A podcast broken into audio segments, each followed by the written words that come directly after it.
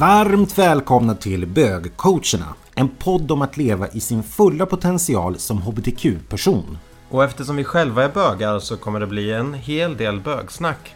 Men självklart är mycket gemensamt för hela hbtq-familjen. Även du som till exempel jobbar med eller närstående till någon av oss hbtq-personer kan säkert ha nytta av att lyssna, få inblick i vår värld med tankar, känslor och utmaningar i livet. Vi hoppas på givande och underhållande timmar med oss. Bögcoacherna i samarbete med Bögarnas Paradis. Som en Facebookgrupp med syfte att motverka utanförskap. Hej Andreas! Tjena! Good Cup. The Good Cup. Är det jag? Det är du. ja, ibland så. Ja, jag diskuterar ganska mycket dagens poddavsnitt som vi ska göra och jag blir bara arg hela tiden. Ja, eh, och det kan man ju verkligen bli när man pratar om just det här ämnet som vi ska prata om idag. Mm. Uh, självklart blir jag också arg och förbannad om att det är som det är många gånger. Men det är kanske inte alltid det som är det allra bästa sättet om man ska få framgång inom någon form av område så att säga. ja. Men en grej kanske kan bli så här att jag kan bli the bad cup idag. Och... Du får vara the bad cup. Uh, så idag du... så får jag vara lite snäll kanske. Ja, och vad ska vi då prata om? Ja, vi ska prata om ett ämne som för oss är oerhört viktigt och, och kanske det avsnittet som vi har pratat om att vi ska göra som betyder allra mest för oss själva och det är att komma ut för familj och de som står oss allra närmast. Mm, precis. Och vi ser det så här att å ena sidan så är det ett avsnitt för er som är föräldrar. Ett och tre så har ni fått just veta att er ungdom, ert barn, eh, er nära anhörig är på väg att komma ut. Och ni sitter med massa känslor och eh, hur ni ska hantera det här. Massa tankar, massa reaktioner. Och det är fullkomligen normalt för att även ni ska veta om att vi är alla sprungna i ett heteronormativ och när man är sprungen i ett heteronormativ då har man tankar och föreställningar om hur livet ska te sig. Och nu är ni helt plötsligt med om någonting som är omvälvande. Det blev inte riktigt som ni tänkte er. Och nu kommer ni ha en fantastisk möjlighet och chans att faktiskt inte fucka upp den här ungdomen, barnet, den nära anhörigen barnet säger det kan vara en 25-åring, det kan vara en 35-åring eller en 57-åring som är på väg ut. Det spelar ingen roll. Men det som spelar roll det är faktiskt anhöriga runt omkring. Ja, det stödet som man får vid det tillfället när man faktiskt väljer att komma ut så är det för många av oss ett, en oerhört lång och tuff process som föranleder det här eh, tillfället när man kommer ut och att då också drabbas av ett taskigt bemötande i den situationen. Det är liksom gräddet på moset som vi absolut, absolut inte vill ska hända. En annan aspekt kan vara att du sitter här och lyssnar och är på väg att komma ut. Och en aspekt som du kan se mig och Andreas på. Det är som två stycken kompisar. Vi har bildligt sett dig i mitten mellan oss. Där vi pratar om just det här konceptet komma ut. Men också där man kan vara, ja, tänk intervention med dina nära anhöriga. För att faktiskt hjälpa dig att få en enklare övergång till att komma ut i din fulla potential. Och det är inget fel på dig whatsoever. Nej, och likaså du som förälder eller nära anhörig. Eh, får också gärna tänka dig att du sitter här mellan oss och blir coachad, omhändertagen av oss eh, på det varmaste sätt vi bara kan. Med kanske någon enstaka pekpinne från Johan men, men ändå med värme och kärlek för att med, med Ja, med omsorg om, om våra medmänniskor, eh, HBTQ-personer eh, där ute som är på väg ut. För att du kan verkligen, verkligen göra skillnad om du eh, bemöter den här personen med ett schysst mottagande. Mm. Ja, Andreas, ska vi backa bandet lite grann och uh, prata lite, lite om oss själva kanske? Ja. Det är ju en tuff grej att komma ut som sagt och eh, således eller så var det även, även för mig. Jag hade en oerhört stor kamp inom mig själv. Att förlika mig med känslan av att ja, men få ihop min egen självbild om att jag, så som jag var och att samtidigt vara som jag är, vara mig själv och samtidigt vara öppet homosexuell. Jag fick liksom inte ihop den, den, de självbilderna med varandra. Mm. Och det var liksom ett krig inom mig under, under lång, lång tid innan jag faktiskt kom så pass långt så att jag kände att jag kunde ta det där lilla, eller lilla, det oerhört stora klivet att berätta för, för någon i min omvärld. Liksom. Och jag hade en oerhört tuff komma ut-process. Men, men det största kriget var inom mig själv. Mm. Eh, och man vill liksom bara inte att någon ska behöva befinna sig i den, i den situationen, i den miljön. Mm. Eh, med dem, den inre kampen som det innebär. Liksom, eller innebar för mig. Mm. Eh, så att... Kommer ja. du ihåg när du verbaliserade det första gången? Sa det högt ut för dig själv? Nej, det kan jag inte säga att jag kommer ihåg. Däremot är det ett oerhört starkt minne av att jag inte rent fysiskt kunde få ut orden ur min mun. Mm. Alltså att jag verkligen hade bestämt mig för att säga någonting eller hinta eller på något sätt. Men väl i den situationen så gick det inte. Det bara tog stopp.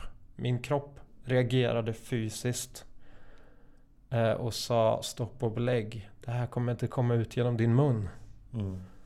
Eh, och det har jag väldigt, väldigt starka känslor till och minnen av hur, hur det liksom mm. Ja, också den här tudelade känslan av att jag på ett sätt visste och ville komma ut och att det, å andra sidan att det liksom inte gick. Mm. Det, det ligger fortfarande oerhört nära liksom, i minnet. Mm. Oh, jag blir alldeles så här berörd av det när jag tänker på hur det var. Och det var riktigt jävla, jävla tufft. Mm. Och som sagt då, att också behöva oroa sig för hur det här ska bemötas av omgivningen. Det vill man inte att någon ska behöva eh, oroa sig för. Nej. Så det är väl därför som vi känner att det här samtalet är oerhört viktigt att ta. Mm. Hur kände du Johan? Hur var det för dig? Ja, men det var också väldigt, väldigt tufft. Jag har ju berättat att jag är född och uppväxt i Jokkmokk. Och Jokkmokk i slutet på 90-talet och så. Det fanns inga referenspersoner i min omgivning. Alltså det, det, det existerar det som liksom inte för mig. Jag hade nog fattat det ganska tidigt hur det låg till men jag förnekade så stenhårt så att det... Ja, nej men alltså det... Sanna Johan var långt inne och så fanns det någon någon chimärbild som jag försökte uppmåla. Men jag hade ett helt år där jag bodde i en liten fjällstuga och mediterade och donade och grejade och hade mig. Och det var inte bara för att komma ut för mig själv men det var Ja men det var mycket som jag ville som bara, vad vill jag göra med mitt liv? Och jag har också ett sånt där otroligt, otroligt starkt minne när jag skriver i min dagbok första gången. Jag tror jag är bisexuell. Mm. Och för mig var det så här bara att jag, alltså det var som att den där boken brände. Det var så himla stort. Sen var det tufft. För jag visste inte hur min familj skulle reagera. Och eh, eh Så jag byggde nog upp väldigt, väldigt stora hinder och rädslor och scener i mitt huvud och, och så. Och eh, sen eh, så... Och jag mådde nog inte riktigt så himla bra under den perioden såklart. Det är ju fruktansvärt jävla jobbigt. Eh, men det gick bra. Till slut efter många om och men så när jag kom ut, det var, det var jobbigt för min familj. Såklart. Men de behövde sin tid att bearbeta och processa och sen så blev det faktiskt okej. Okay. Det, det, som jag hade målat upp och skulle hända och hela den biten, det hände inte. Men eh, Ja, det, det, är precis som du säger. När man, när man åker tillbaka till den tiden, då skulle man ju bara önska att man visste det man vet nu.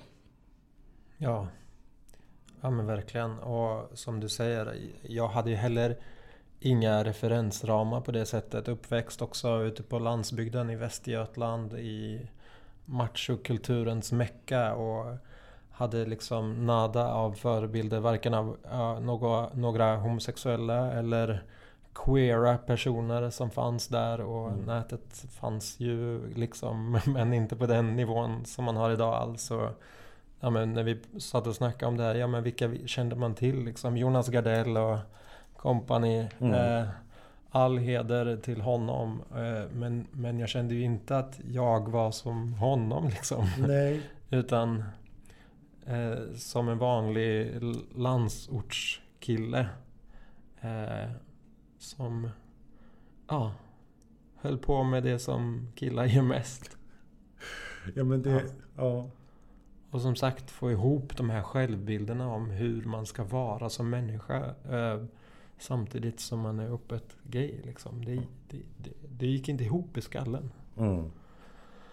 Och ja, gud, jag minns också när jag skulle ringa hem och berätta om det här och jag söp mig faktiskt full.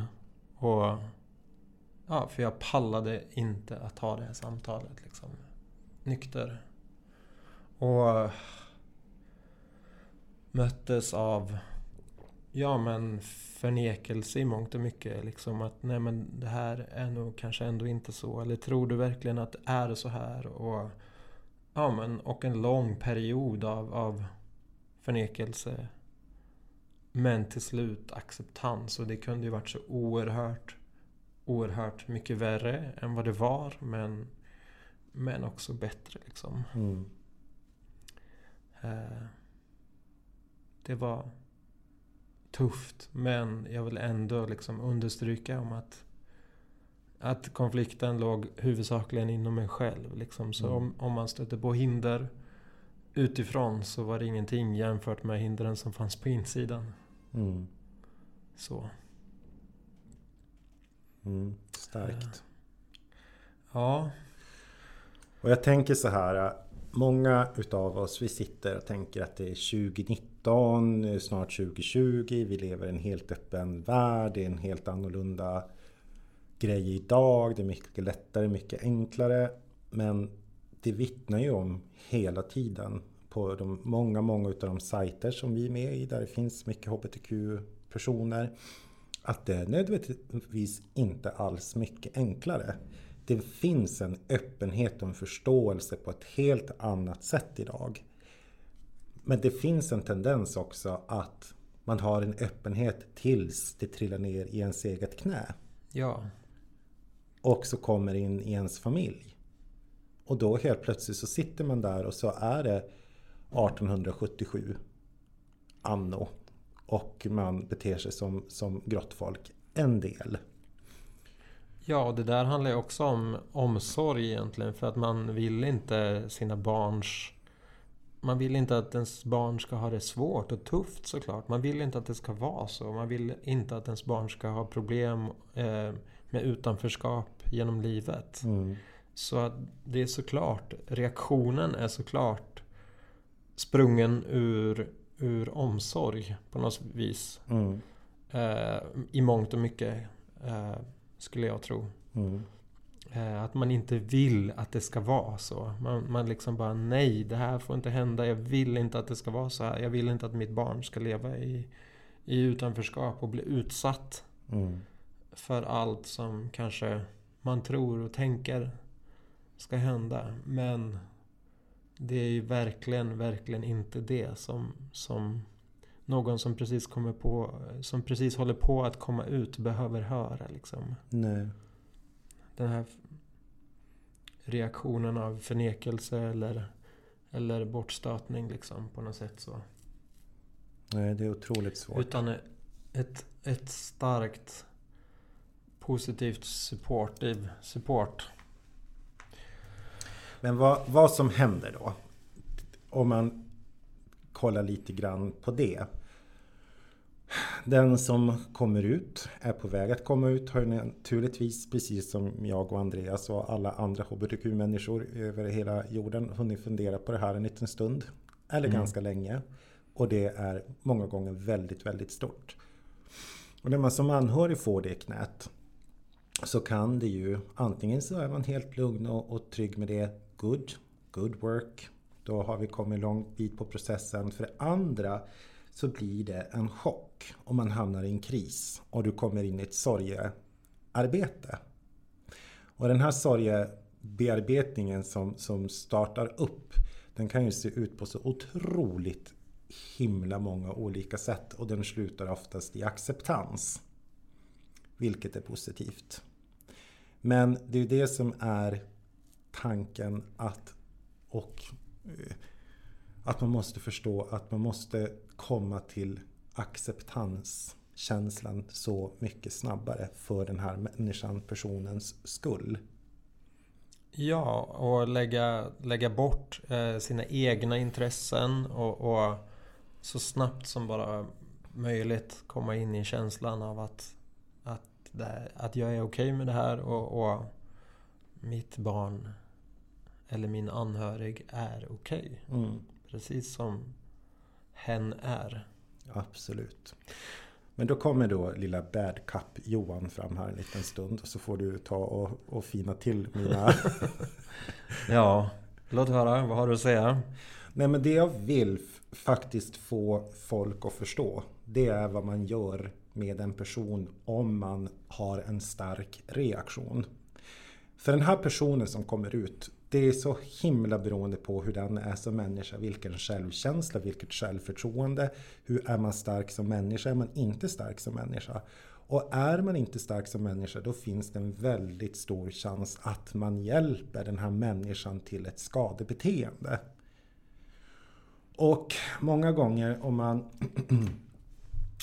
Ja, man eh, understryker att det är perverterat eller för det kan ju bli att man tänker att så fort man pratar om att man har en annan sexuell läggning så handlar det om sex för folk. Och det handlar ju om allt annat än sex.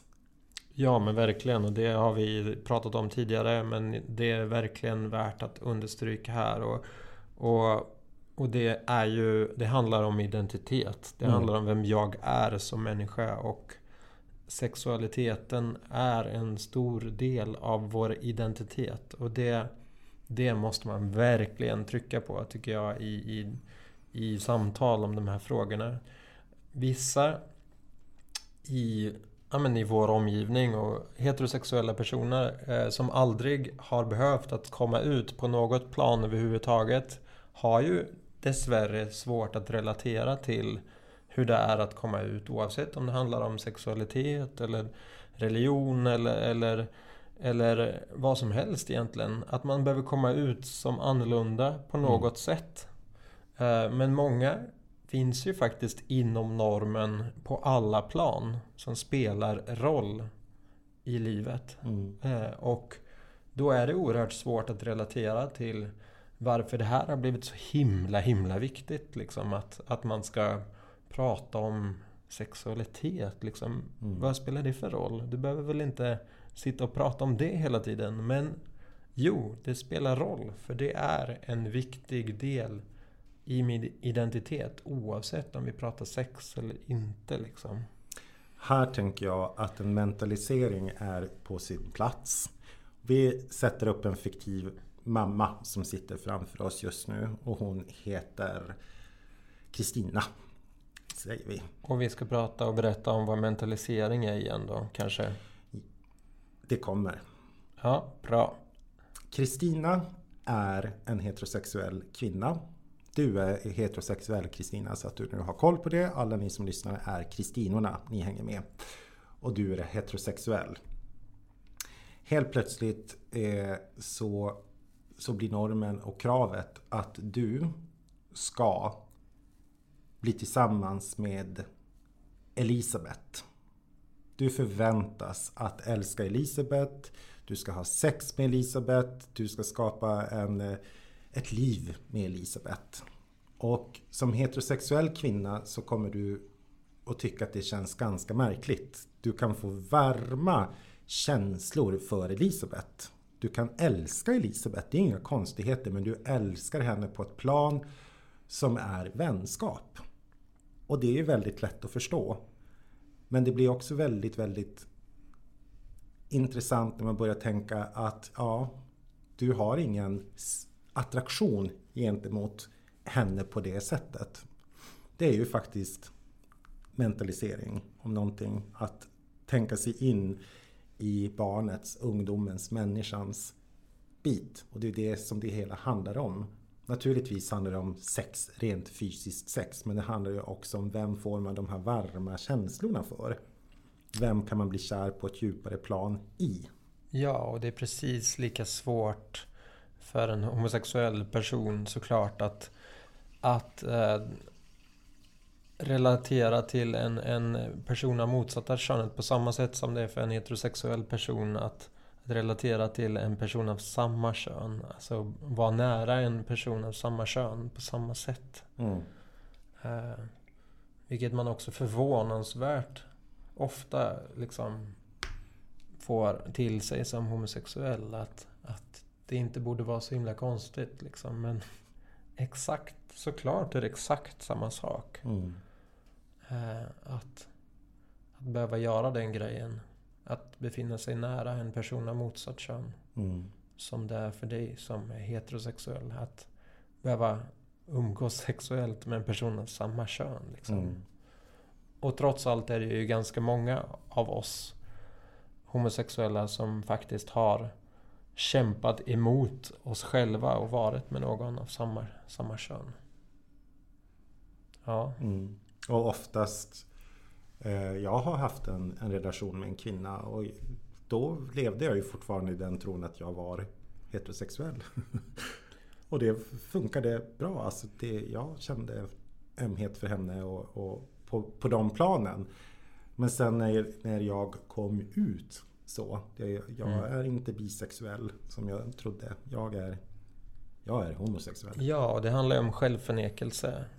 Mm. Uh, och jag levde ju också tillsammans med en, en tjej uh, i ungdomens dagar. Uh, under ja, ett par års tid.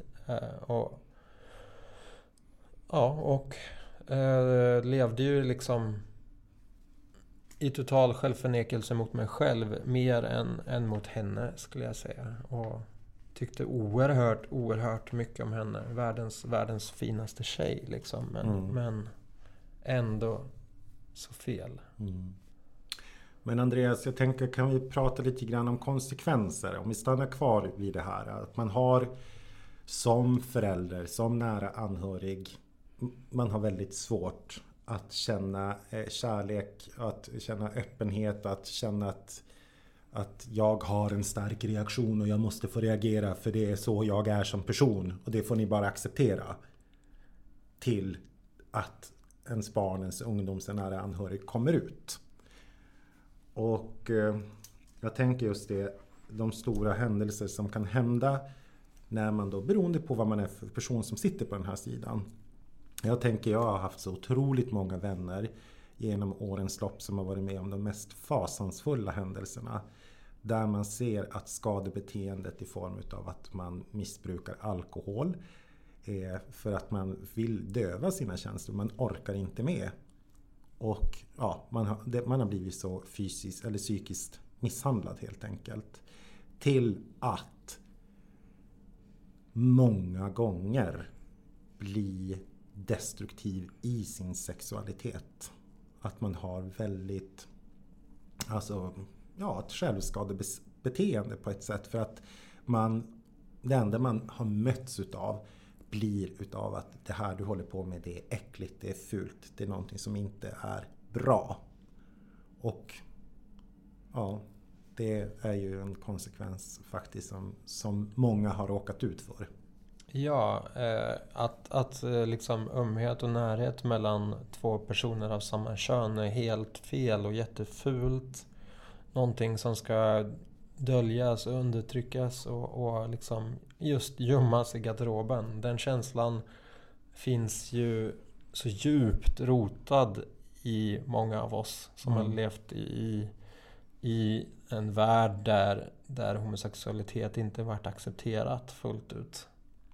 Så att få bort den känslan för sig själv är liksom skitsvårt även om man möts på ett okej okay sätt när man väl kanske kommer ut. Mm. För många är det ju också kanske enklast, enklare än, än man kanske har tänkt sig. Man kanske har byggt upp de allra, allra största eh, hjärnspökena om hur, vilka reaktioner man ska mötas av när man väl tar steget och förberett sig på det i många, många månader eller kanske år. Mm. Och sen blir det ändå ganska okej. Okay. Mm. Man bemöts av ett, ja, ett okej okay bemötande. Man får ett okej okay bemötande. Men att ändå då ställa om att, att jag är okej okay och mina känslor för andra personer av samma kön är okej. Den, den resan som man ska göra i sitt inre liksom, tar ju också oerhört lång tid för, för många av oss. Mm. Skulle jag säga.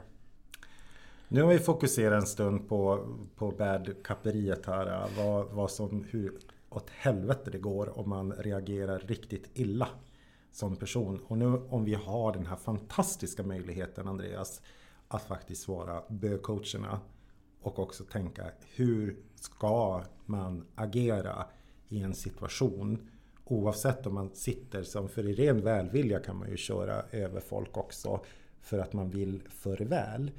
Eller att man sitter och förstår att oh shit, jag reagerar hårt och jag, kan, jag vill inte förstöra den här medmänniskan. Vad gör man? Så ska vi ta på oss lite mer av den mössan nu. Vad ska man göra för någonting när ens ungdom kommer ut? Ja, men vi var ju också på Pride för några veckor sedan och yes. vi hade förmånen att eh, göra en intervju med två eh, föräldrar i organisationen Stolta föräldrar. Eh, så jag tänkte att vi skulle lyssna på den. Det kan väl vara ett läge att göra det nu? Absolut, det gör vi. Vi kör igång den lilla intervjun här helt enkelt. Prata mun. Ja, det skulle vi också kunna göra. Nu står vi här, bögcoacherna, på Pride, Stockholm Pride och vi har kommit till tältet Stolta föräldrar till HBTQ-barn och vi träffar Agneta och vi träffar Pia och vi tänker att vi ska ställa lite frågor. Först, vilket fantastiskt arbete ni gör. Men tack så mycket, men det här ger ju oss lika mycket som det ger dem vi möter. Ja. Så det är ju det är någonting väldigt, väldigt speciellt när man står och tittar på paraden och så stolta föräldrar kommer. Det är verkligen tår, tårdrypande. Men ni gör också ett jätte, jätteviktigt arbete. För det här programmets syfte handlar ju om att hjälpa föräldrar som kanske är i chock över att deras barn har kommit ut som en hbtq-person. Vad tänker ni kring det, ni som är kloka och erfarna? Eh, det som vi tycker är absolut viktigast just med att få prata med någon annan, för man ska inte prata med sitt barn. Mm. Alltså man ska inte ställa de här frågorna som väller upp som i en förälder, eh, utan man ska ha möjlighet att prata med någon, för barnet har nog med sitt. Mm. Ungen, ungdomen, vad det nu är för någon, eller vi säger barn om alla, mm. även om man är 35 så är man barn. Mm.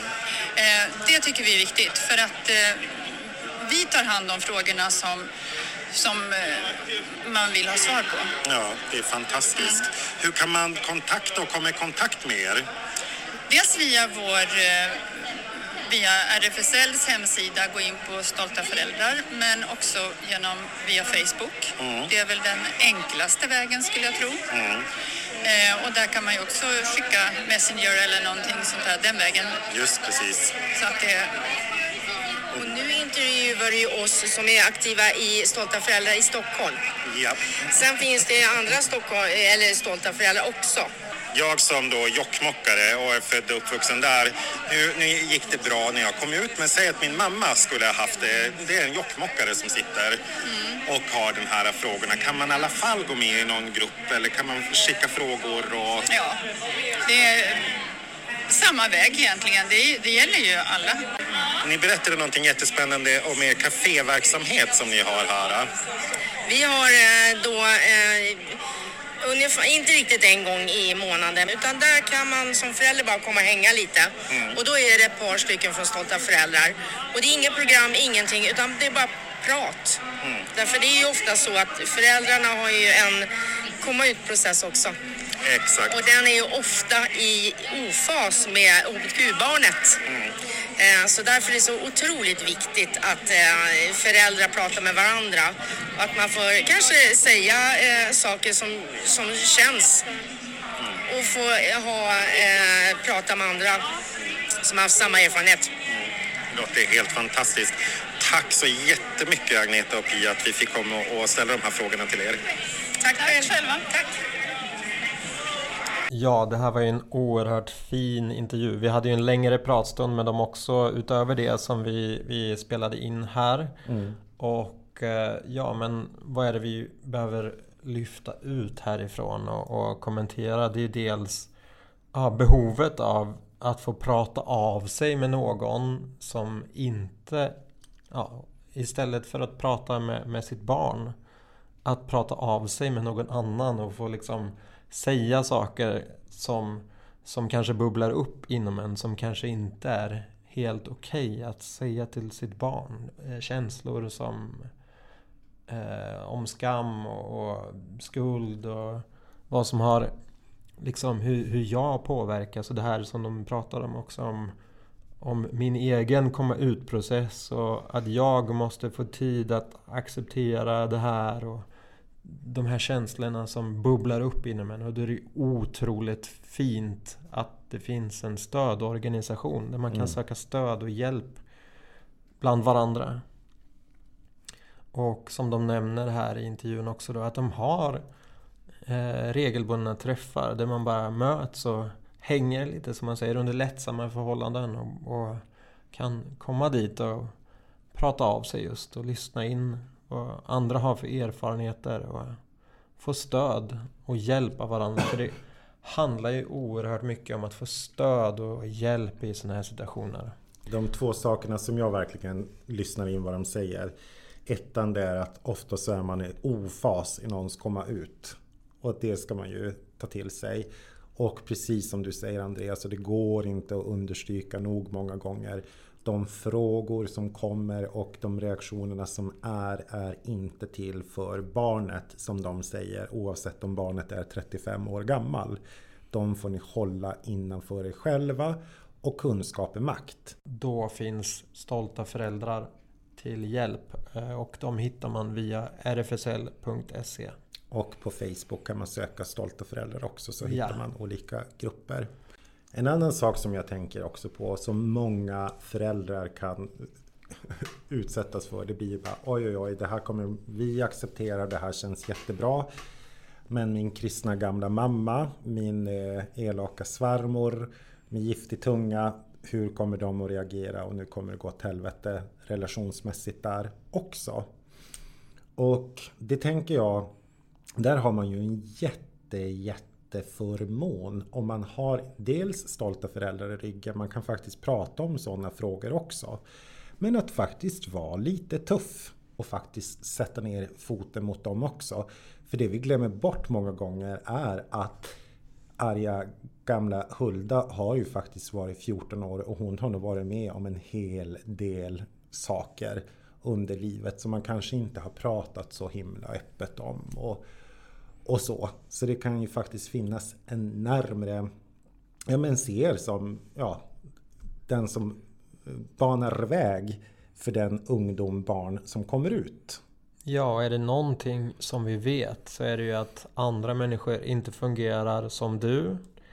Och vi har föreställningar och fantasier om andra människor som är helt uppåt väggarna och åt fanders. Och det är det du pratar om här nu. Vi har mm. ingen aning om hur, hur faster Hulda eh, reagerar även om vi tror att hon skulle reagera på ett specifikt sätt. Du, du vet inte det.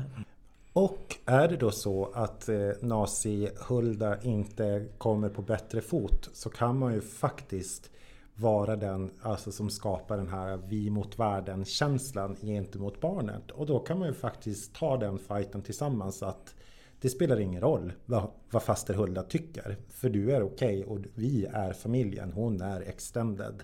Så då får hon ju sitta där på sitt eh, hörn och sura bäst fan hon vill. Ja, och att ta ställning för sitt barn på det sättet. Det, skulle, det finns ju inget annat som gör att man växer så mycket som förälder om man verkligen visar att man gör så, tänker jag. Det... Att man visar att jag står upp för dig. Mm. I kriser eh, så brukar jag och mina vänner prata om hur skulle vi vilja titta på det här om fem år? Hur vi ville titta tillbaka på krisen som hände om det nu blir en kris. Och hur skulle vi önska att vi hade hanterat krisen när vi var i krisen? Det är också en fantastisk sak att tänka på om man tycker det är fantastiskt eller om man tycker det är jobbigt och man behöver hämta stöd i framtiden och sitt framtida jag och diskutera med sig själv för att eh, känna hur kan jag ha stolthet för mig själv mm. om några år. Ja, men nu pratar ju du om någonting som vi inom coachingen brukar kallas för framtidspromenaden. Mm. Och att man helt enkelt visualiserar bilden av hur man vill att det ska vara just om kanske fem år. Eh, att tydligt visualisera den för sig själv. Hur vill jag att det ska vara? Vad ska jag ha för relation med mitt barn? Hur har vi det tillsammans? Hur har det varit? Eh, hur har vi umgåtts? Vad har vi pratat om? Ställa de här eh, ganska detaljerade frågorna till sig själv och, och, svara och gärna prata med Ja, om man är två föräldrar då kanske man kan prata om de här sakerna tillsammans. Hur vill vi att det ska vara i vår relation med vårt barn om fem år? Och hur vill vi eh, att det ska ha varit under de här fem åren? Mm. Och sen aktivt ställa sig frågorna då. Vad behöver jag göra för att det här ska hända? Mm. Att man backar tillbaka i tiden. På framtidspromenaden så gör vi ofta det här också rent fysiskt. Att vi vandrar runt i ett rum. Eh, och går till olika årtal om man säger så. Mm. Eh, genom att kliva runt i rummet för att också få en starkare känsla att man faktiskt är ute på en promenad. Men att också ställa sig på år 2025 eller vad det nu är och, och, aktivt visualisera vad som är där. Men också tydligt, tydligt aktivt uttala för sig själv. Vad behöver jag göra för att det ska bli så här? Och på detaljnivå verkligen eh, jobba sig successivt bakåt i tiden då. Mm. Till dagens datum där jag är här och nu. För, för det är från, från och med idag som jag kan göra skillnad. Mm. Jag tänker också det. Alltså oavsett för en del. Jag läste en bok för inte så länge sedan som jag också vill gärna tipsa om om en liten stund. Men där handlar det också om en komma ut berättelse från en eh, man som var frireligiös. Och den otroligt stora svårigheten att eh, vara i en, ett sammanhang där det verkligen kan vara icke-accepterande. Det tycker jag också är otroligt spännande att eh, jag vill verkligen tipsa om den boken. Det är Anders Örman som har skrivit en bok som heter Komma ut, berättelser från garderoben. Sen... Ja, och den är ju fantastisk att läsa både som HBTQ-person men också nära anhörig såklart. Ehm, För att sätta sig in i hur det kan vara Mm. eh, för en person som är på väg ut ur garderoben. Om vi då riktar oss en stund Andreas till den personen som kanske sitter nu och lyssnar på det här och kallsvettas och tänker åh vilka otroligt jobbiga människor. Ska jag våga ta steget själv? Jag kan vara 14, jag kan vara 37, jag kanske 62 Mm. och eh, nu börjar det vara dags. Vad, vad skulle du vilja säga till den personen? Ja men dels så här, ja men tänk igenom ett scenario hur du vill ta dig igenom den här, det här samtalet. Vad är viktigt för dig att kommunicera? Vad vill du säga? Eh, planera det i detalj. Det är inte huret som är eh, det viktiga. Men det kan vara ganska skönt att ha ett tydligt hur klart för sig. Och om du väljer att att lämna över ett brev eller ja, skriva ett sms eller, eller säga det muntligen öga till öga eller per telefon eller Skicka den här podden till Eller dem. om du som jag super dig full innan du ringer hem och berättar Det spelar liksom ingen roll För i det stora hela handlar det om att du ska berätta Mm, och till slut så, så kommer det att bli hur bra som helst mm. eh, för, för de allra flesta. Och det känns så oerhört, oerhört skönt. Och jag tror att all HBTQ-personer kan relatera till känslan hur det är när man har kommit ut. När man väl har gjort det här som, som man har gått och liksom förberett sig på så oerhört länge. Jag vill ju också tipsa om att faktiskt om du inte redan har gått med i, om du nu skulle vara bög, att gå med i Bögarnas paradis. För det är också väldigt öppet. Det är en varm ton i den gruppen.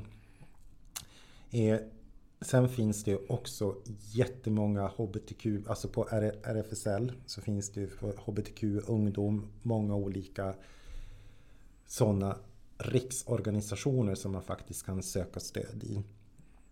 Ja, och jag tänker att det är på en annan Det är på en annan nivå idag än, än det var när vi kom ut för 15-20 år sedan. Absolut. Uh, nu finns det lite annat stöd och enklare att hitta andra. Så um, det är ju skillnad um, nu och förr och det är väl fantastiskt att det är mycket, mycket enklare idag. Men därmed inte säga att, att det är enkelt att komma ut idag. För jag tror att det är precis lika tufft att komma ut idag. För att det är den inre resan som är grejen. Så är det absolut. Men som sagt var, du är värd att leva ditt liv i din fulla potential och det ska du göra för det är du värd. Så ja, Andreas. Det känns otroligt viktigt det här avsnittet faktiskt.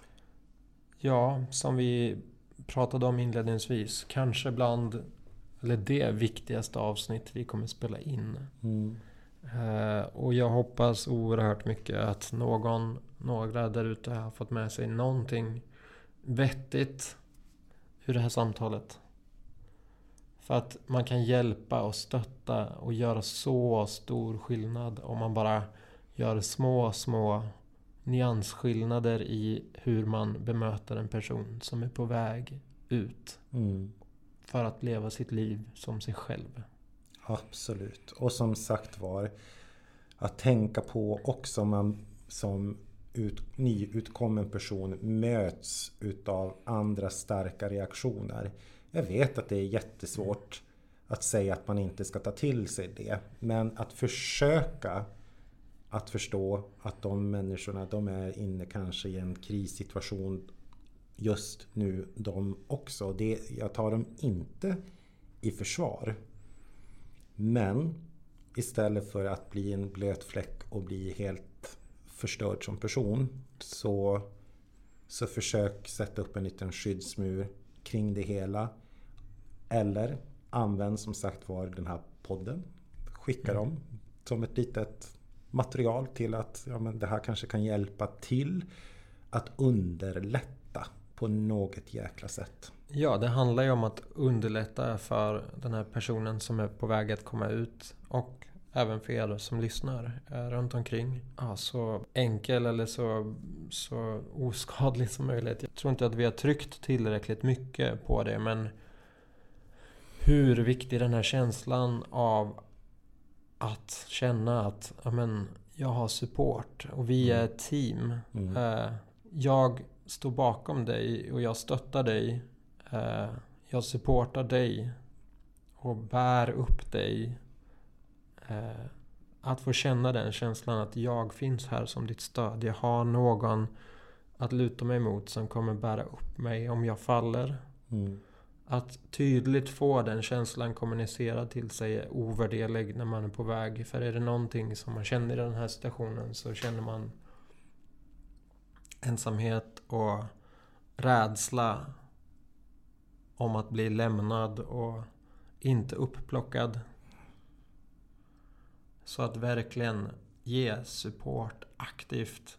Om ni vill reflektera på det här avsnittet så är ni varmt, varmt välkomna att mejla in till bögcoacherna gmail.com Ja. Det går också att följa oss på Instagram och det gör man på bögcoacherna. Och man kan följa oss också om man vill följa oss personligen. Vart hittar man dig på Instagram Johan? Johan.viklund med W. Ja, och man hittar mig på Andreas Nilsson STHLM som i Stockholm. Tack för att ni har lyssnat och lycka till. Ni kommer att rocka även om ni kommer att komma ut eller är en nära anhörig till någon som är på väg ut. Tack för att ni har lyssnat.